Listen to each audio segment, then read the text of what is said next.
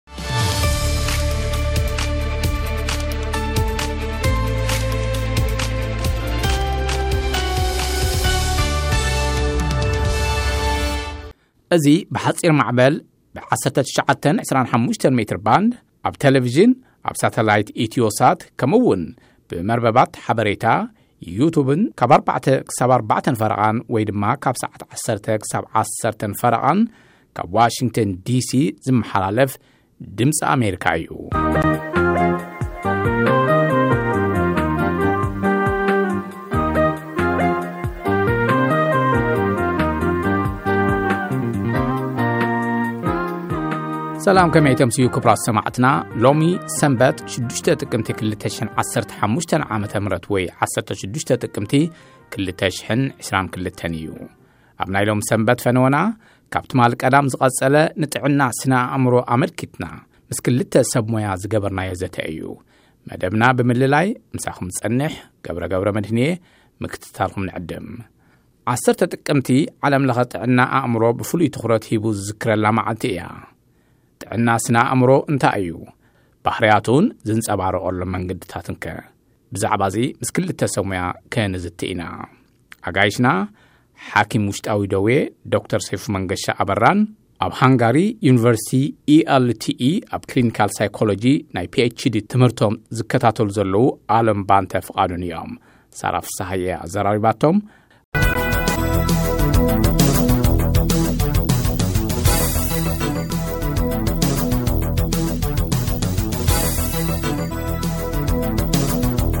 ብዝበዝሕ ግዜ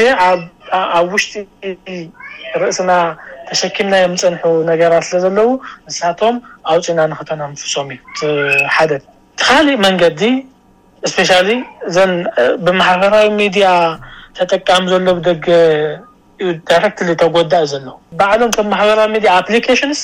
ባይ ዘ ወይ እንተነሎ ኣልጎሪዝም ኣለዎም እና እቲ ክስታዮ እቲ ኣልጎሪዝም ቀጥታ ምስ ኣዲክሽን ዝተሓሓዝ ዩ ምስ ወልፊ ዩ ዝተሓሓዝ ሓደ ኣፕሊኬሽን ብዝተጠቀምኪ ቁፅሪ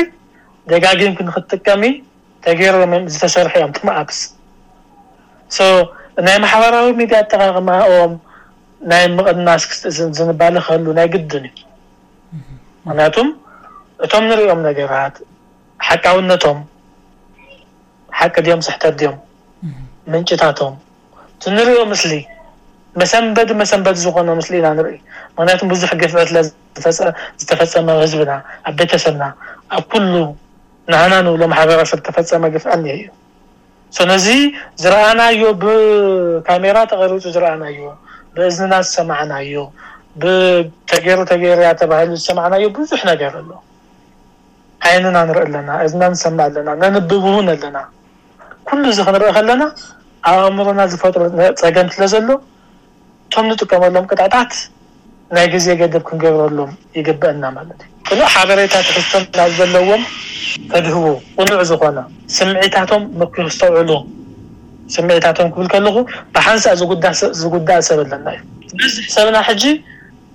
ብንእሽተይ ነገር ተጎዳኢ ብንእሽተይ ነገር ተሓጓሲ ብንእሽተይ ነገር ሞራሉ ይመውት ብጣዕሚ ካብታ ንእሽተይ ነገር ተመሊሳ ሓጎሱ ይገልጽ። እዚ ዝኸውን ዘሎ ኩነታት ምኽንያቱም ኣኣምርኡ ዘሎ ጭንቀት፣ ኣእምሮ ዘሎ ፍርሒ በቱ ዝከታተሎ ዘሎ ማዕኸናት ሚድያ ክግለፅ ከሎ ንኣእምርኡ ስለ ዝምግብ ዘሎ እዩ። ፖዘቲቭን ነገቲቭን ኢና ንመግቦ ንኣእምሮና። ስለዚ ብኣካል ምንም ክንገብር ከም ዘይንኽእል ዓርስና ክንእምን ኣለና።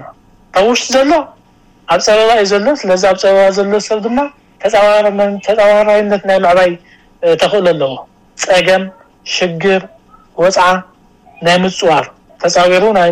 ናብ ኣሸናፊ ናይ ምዃን፣ ናይ ምስዓር ተኽእሎ ኣለዎ። ተብ ደገ ዘሎ ግን ተጸዋ ተጻዋርነት የብሉን። ብሓንሳእ ስምዒቱ ከስተውዕል ይግብኦ ማለት ምኽንያቱ ን ንሱ ክነብር ከሎ እዩ ተብ ውሽጡ ዘሎ እውን ክነብር ዝኽእል። ምኽንያቱ ካብ ሕጂ ንየ ብዙሕ ሓገዛትን ጠለባትን እዩ ዝፅበ ብፍላይ ኣብቲ ደገ ዘሎ ማሕበረሰብ ናይ ትግራይና ወይም ብጠቕላላ ናይዚ እዚ ከባቢና ስለዚ ዘየድሊ ነገራት እንተኾይኖም እንድሕር ናይ ምቕባል ዓቕምና ድኹም ኮይኑ ካብኣቶም ጠቕሊልና ክንወፅእ ክንክእል ኣለና ማለት እዩ። ሰዓት ገደብ ክንገብር ኣለና። ውጥረት ኣእምሮኣዊ ውጥረት ዘይፈጥሩ ነገራት ትሕዝቶኦም ኣእምሮና ብዙሕ ነገር ክፈጥሩ ዘይኸእሉ ነገራት ጥራሕ ኸነተኩር ማለት እዩ። እቲ ኣብ ውሽጢ ዘሎ ግን ከም ዝበልኩኺ ብጠቕላላ ኣብ ውሽጢ ፀገም ስለ ዘሎ ካብ ዓቐን ንላዕሊ ሓሳብ ከየብዝሕ ካብ ዓቐን ንላዕሊ ምኽንያቱ ካብቲ ናቱ ዓቕሚ ንላዕሊ ዝኾነ ፀገም እዩ ኣጋጢሙ ዘሎ ብባዕልና ክንፈትሖ ንኽእል ብዓቕምና ክንፈትሖ ንኽእል ተኾይኑ ጭንቀትና ፍርሕና ምድንጋጽና ስንባደና ክንፈትሖም ንኽእል ኢና። እዚ ግን ካብ ዓቕምና ንላዕሊ እዩ። ንሕና ቀጥታ ክንፈትሖ ኣይንኽእልን ኢና። ሓገዝ የድልየና ኣሎ። ሓገዝ ዘድልየና እንድሕር ኮይኑ ከኣ ካብ ዓቐን ንላዕሊ ሓሳባት ክነውሕድ፣ ካብ ዓቐን ንላዕሊ ተሜስና ተደጋጋሚ ዝኾኑ ባህርያት ክነርኢ፣ የብልናን ማለት እዩ። ንኣብነት ሰባት ሓንሳብ ሓንሳብ ግዜ እንታይ ይብሉ? ኣነ ካብ ዘጋጥሙኒ ኸመይ ገይረ ኣደይ ጠምያ ወይ ሓወይ ጠምዩ ወይ ማሕበረሰበይ ጠምዩ ኣነ ኸመይ ኢለ ክበልዕ ይኽእል? ይብሉ። ወይ ኸመይ ገይረ ኣነ ኽዝናኖ ይኽእል? ወይ ከኣ ኸመይ ገይረ ንባዕለይ ንግዚኡ ካብዚ ጭንቀት ከውጽኡኒ ዝኽእሉ ነገራት ንባዕለይ ከሕጉሱኒ ዝኽእሉ ነገራት ክገብር ይኽእል ኢሎም ኣንጻር ባዕሎም ክኸዱ ንርኢ። ሓንሳብ ሓንሳብ ሰባት ንባዕሎም ክቐጽዑ ንርእሶም ዋላ ኣብ ዕለታዊ ተግባራቶም ኣብ ሓዘን ተዋሒጦም ክጸንሑ ክገብሩ ንርኢ። እዚኦም ብኸመይ ክኣልይዎም ይኽእሉ እዞም ልምድታት እዚኣቶም? እንታይ እዮም ክነግርዎ ዝግብኦም ንርእሶም? እወ እቲ ሐዚ ዘልዓልክዮ ሕቶ ብጣዕሚ ወሳኒ ዝኾነን ኣብቲ ሐዚ ዘለናሉ ህልው ኩነታት ኣብ ኩልና ኣብ ደገ ንነብር ኣብ ውሽጢ ትግራይ ንነብር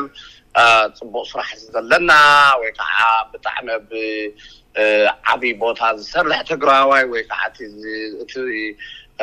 ዘጨናንቅ ናብራ ዘለዎ ትግራዋይ ኩሉ ዓይነት ቆልዓ ዓቢ ወዲ ጓል ተነስተይቲ ኩሉ በዚ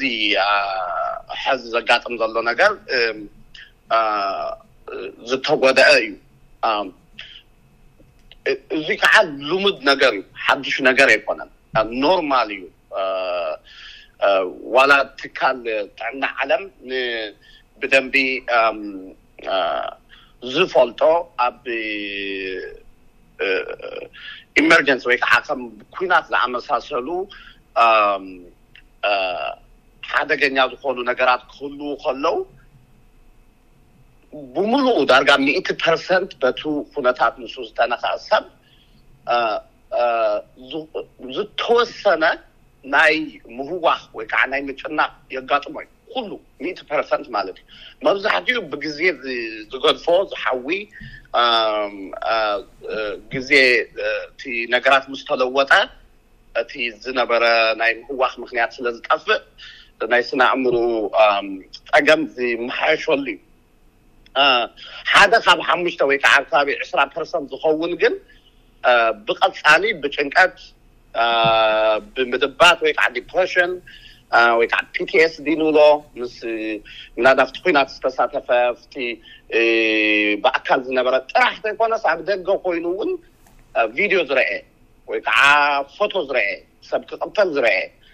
ሰብ ጠምዩ ዓጽሚ መሲሉ ዝረኤ ንሱ ንዓርሱ እቲ ኢሜጅ ንሱ እቲ ስእሊ ንሱ ፒቲኤስዲ ከምጸልኪ ይኽእል። ፒቲኤስዲ ማለት ዝኾነ ብጣዕሚ መጨነቒ ዝኾነ ነገር ምስ ረኣኽስ ድሕሪኡ ኣእምሮኺ ከም ስእሊ ሒዝዎ ናደጋገመ ናመጸ ይርብሸኪ ማለት እዩ።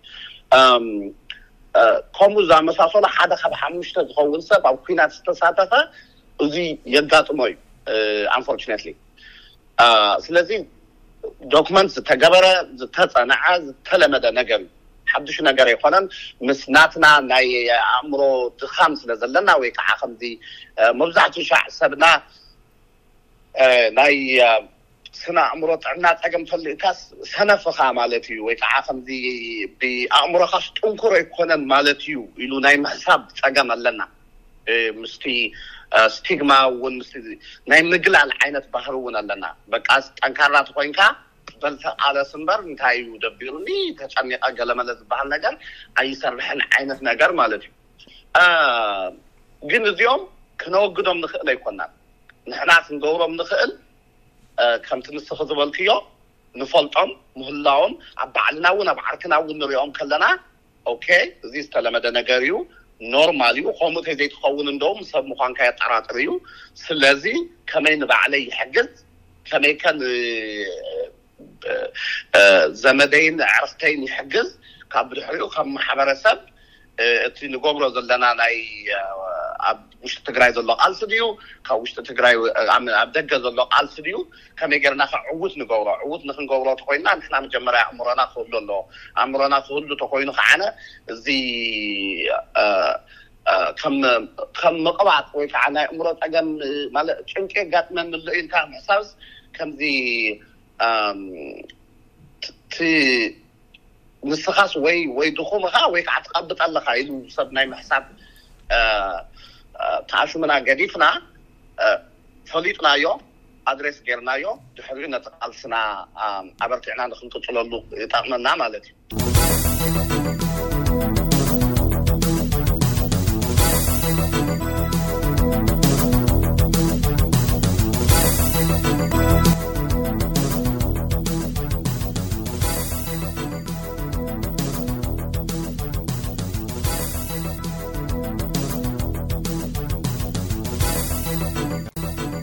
እዚ ድምፂ ኣሜሪካ እዩ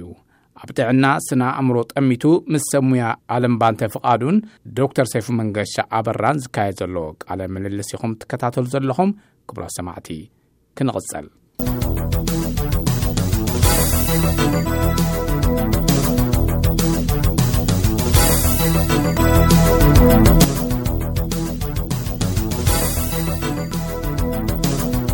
ኮሌክቲቭ ስለ ዝኾንና ናህና ናብ ናህና ብህይወት ምንባር ነቲ ኣብ ውሽጢ ዘሎ ናይ ግድን ኣድላይ እዩ። ንሕና ክንነብር ከለና ንሕና ጥዕናዊ፣ ኣእምሮኣዊ፣ ስነልቦናዊ ኩሉ ነገርና ጥዕና ክህልወና ከሎ እዩ ነቲ ካልእ ክንሕግዝን ክነብልን ንኽእል። ካልኣይ ከኣ ካብ ዓቕምና ንላዕሊ ምዃኑ ካብ ዓቕምና ልዓሊ ምዃኑ ክንኣምን ኣለና። ካብ ናህና ዓቕሚ ንላዕሊ ዝኾነ በቃ ወ ኤክስተርናል ዝኾነ ጸገም የጋጢሙ ዘሎ ባዕልና ዝፈጠርናዮም ጸገማት ኣነ ንኣብነት ኣነ ከም ኣለምባ እንተ ዝፈጠርክዎ ጸገም እንተ ዝኸውን ንባዕለይ ክጎድእ ይኽእል እየ። እዚ ግን ካባይ ወጻኢ ዘሎ ኣነ ከርክበሉ ዘይክእል ሓይሊ እዩ ፈጢርዎ ዘሎ እዚ ጸገም እዚ ተፈጢሩ ዘሎ ስለዚ ኣብዚ ጉዳይ እዚ ንሓገዝ ከመይ ኣቢለ ክሕግዝ ተስፋ ክንገብር ኣለና ባይ ዘ ወይ ተስፋ ስንቅና ተስፋ እዩ ዓርስና ክንሕሎ ኣለና ዓርስና ክንከባኸብ ኣለና ዓርስና ክንከባኸብ ማለት እኮ ብቐሊሉ ግቡእ ዝኾነ ድቃስ የድልየና እዩ ኣእምሮና ክዓርፍ ኣለዎ ሰውነትና ክዓርፍ ኣለዎ ንጥዕና ክንሕሉ ተመስና ምግቢ ክንምገብ ግዲታ እዩ ምክንያቱም ክንነብር ኣለና ምግቢ ኣነ ስለ ዘይተመገብኩ እቲ ኣብ ውሽጢ ዘሎ ዝፍይዶ ነገር ታይ ኣሎ ይውስከሉ እየ ዘለኩ ፀገም ንባዕለይስ ካሊእ ፀገም ኣብ ውሽጢ ካሊእ ናይ ውሽጢ ኣለኒ ድምፅን ናፍቆትን ኣለኒ ካልኣይ ዘይሰማዕክዎ ዝህንጠዎ ከመይ ሰዓርሰይ ክጎድእ ከለኩ ካሊእ ፀገም እየ ዝፈጥር ዘለኩ ልዕለይ ካሊእ ፅዕንቶ እየ ዝፈጥር ዘለኩ ካሊእ ወጥሪ እየ ዝፈጥር ዘለኩ ማለት እዩ ስርሐይ ብኣግባቡ ክሰርሕ ኣለኒ ድሕሪ እቲ ስራሕ ዝረኽቦ ኣእምሮ ሳትስፋክሽን እውን እኮ ኣሎ ክረክዕ እየ ናይ ግድን ረኪዐ ኣለኩ ማለት ዝሕግዞ ማሕበረሰብ ኣለኒ ማለት ንዓይ ዝፅበ ማሕበረሰብ ኣሎ ማለት ክሰርሕ ተኮይነ ከዕርፍ ኣለኒ ክሰርሕ ተኮይነ ድማ ብኣግባቡ ክድቅስ ኣለኒ ክሰርሕ ተኮይነ ድማ ብኣግባቡ ምግበይ ክምገብ ኣለኒ ማሕበራዊ ኩነታተይ ብኣግባቡ ከካይዶም ኣለኒ ኩሎም እዚኦም እንተዘይገይረ ንባዕለይ እውን ውድቀት እዩ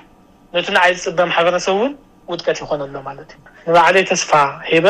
ነቲ ኣብ ውሽጢ ዘሎ እውን ተስፋ ክኾነሉ ከም ዘለኒ እዩ ገይረ እየ ዝኣምን እና እቲ ኣብ ደገ ዘሎ ማሕበረሰብና ዝበዝሕ ተጎዲኡ ንዝሓለፈ ክልተ ዓመት ጥራሕ እንተሪኢናዮ ብህይወቱ ሪእዎ ዘይፈልጥ ልዓለ ውረድን ደይብን እዩ ኣጋጢሙ ዘሎ። ምትእጉጓላት ኣብ ትምህርቲ፣ ኣብ ስራሕ፣ ኣብ ኩሉ ኣብ ማሕበራዊ ጉዳይ ኣብ ኩሉ ምትእጉጓላት ተፈጢሮም እዮም። ናይ ሞራል። ቀውስታት ተፈጢሮምልና እዮም ብፍላይ ኣብ ተጋሩ እዚ ሞራል እዚ ግን ክንድብሶ ንኽእል ዓርስና ተኸታቲልና ዓርስና ሓሊና ዓርስና ካብ ነግሌት ከይገበርና ካብቲ ማሕበረሰብ ካብቲ ምሳና ዘሎ ኣብ ኩሉ ከባቢ ንዓና ዝመስል ማሕበረሰብ እዩ ካብ ትግራይ ዝመፀ ወይም ካብ ኤርትራ ዝመፀ እዚ ፀገም እዚ ውሽጢ ዘሎ ማሕበረሰብ ኣሎ ስለዚ ምስኣቶም ናይ ግድን ሼር ክንገባበር ክንክእል ኣለና ማለት እዩ ሼር ንገባበር ዘለና ሓሳባት ንኣእምራዊ ዕረፍቲ ንረክብ ኣለና ጽቡቅ ዝኮኑ ነገራት ንከጋጥሙና ንባዕልና ትሪትመንት ክንህብ ኣለና ዓርስና ክንኣሊ ኣለና ዓርስና እንተዘይኣሊና ክፍእ ነገር ስለ ዝፍጠር ማለት እዩ ዓርሱ ዓርስካ ምቅጻዕ ምንም ለውጢ የብሉን ዓርሰይ ስለ ዝቀጻዕኩ ኣነ ታይ የምጽእ ምንም ካሊእ ፀገም ግን ይውሰኽ ልዕሊ ፀገም ካሊእ ወጥሪ ካሊእ ጭንቀት ካሊእ ሓሳብ ካሊእ ኩነታት ይፍጠር ማለት እዩ እና ቶም ኮይኖም ዘለዉ ኩነታት ዝሓለፈ ነገር ክንፈትሕ ኣይንኽእልን ካብ ሕጂ ዘለዉ ግን ንቐፃሊ ዓርስና ክንንከባኸብ ከም ዘለና እየ ክመክር ዝኽእል ኣነ። ኣብ መወዳእታ ኸመይ ጌርካ ኣዩ ኣፍልጦ ብዛዕባ ጥዕና ስነ ኣእምሮ ወይ ድማ ሜንታል ሄልዝ ልብል ኣፍልጦ ምፍጣር ልከኣል? ኸመይ ጌርካ ኣዩ ሰባት ንቕሓተ ህሊና ክህልዎም ዝኽእል ኣብዚ ጉዳይ ስለዚ ሕማም ምዃኑ ግንዛበ ንምፍጣር እንታይ ክግበር ይግባእ ይብሉ? ኣብ ማሕበረሰብና ከም ሕማም ኣይረኣናዮን ገና እዩ። ብጠቕላላ ክንሪኦ ከለና ግን እቲ ዝለዓለ ሕማም ናይ ሜንታል ሄልዝ ሕማም እዩ። ብፍላይ ምስ ዲፕሬሽን፣ ሙድ ዲስኦርደር ተተሓሒዙ ዝመፅእ ፀገም እቲ ዝለዓለ ቦታ ዝሕዝ እዩ። ኣፍልጦ ንምሃብ ኣዌርነስ ንምፍጣር ብዙሕ ግዜ ክወስድ ይኽእል እዩ ክነምህር ክንክእል ኣለና በቲ ዘሎ ኩነታት ሕጂ ብማሕበራዊ ሚድያታት ናይ ምምሃር ዓቕሚ እንተዝህሉ ማሕበረሰብና ክጥቀመሎም ዝኽእል ናይ ማሕበራዊ ሚድያታት ዓይነታት ብረድዮ ድዩ ብቴሌቭዥን ብዝተፈላለየ ፕላትፎርምስ ምክንያቱ በቲ ዘሎ ኩነታት መዓልታዊ ድዩ ኣብ ሰሙን ክልተ ሰለስተ ግዜ ድዩ ፕሮግራማት ብፍላይ ንማሕበራዊ ንስነ ኣእምራዊ ስምዒታትናን ኣእምራዊ ጥዕናናን ዝምልከት ፕሮግራማት ተገይሩ ዓርሶም ንክፍትሹ ማንም ኩሉ ሰብ ዓርሱ ክፍትሽ ይኽእል እዩ ባይዘወይ ቀላል ቀሊል እዩ እንታይ ይገብር ኣለኹ እንታይ እንታይ ይገብር ነይረ ትማሊ ምንታይ ነይረ ሕጀ ምንታይ ኣለኹ ፅባሕ ከንታ ክገብር ኣለኒ እንዳበልና ዓርስና ክንፍትሸሉ ንኽእል ኢና ሪቪው ክንገብር ንኽእል ኢና ክንድህስስ ንኽእል ኢና እንታይ ንገብር እንታይ ካባና እንታይ ከም ዝጽበየና እንታይ ዓይነት ጽቡቅ ኳሊቲስ ከም ዘለና ክንርኢ ንኽእል ኢና እቶም ድኽመትናትና ንኽንፍትሽ ድኽመትና ናብ ጽቡቅ ክንቅይር እቶም ጽቡቅ ዝኾኑ ጎድንታትና ደሞ ክንቅጽለሎም ካብኡ እቲ ዝዓበየ ግን በታ ሕጂ ዘላ ኩነታት ሼር ምግብባር ኣይድያ ዝዘለና ሓሳባት ቅርበት ምስ ዘለና ሰብ ሼር ናይ ምግብባር ዓቅሚ እንተሃልዩና ንእሽተይ ካብ ኣእምሮና ዘሎ ሸኽሚ ናይ ጭንቀት ክንቕንስ ንኽእለሉ መንገዲ ክህሉ ይኽእል እዩ። ብጠቕላላ ግን ኣዌርነ ሕማም ከም ዝኾነ ኣዌርነስ ክንፈጥር ንኽእል።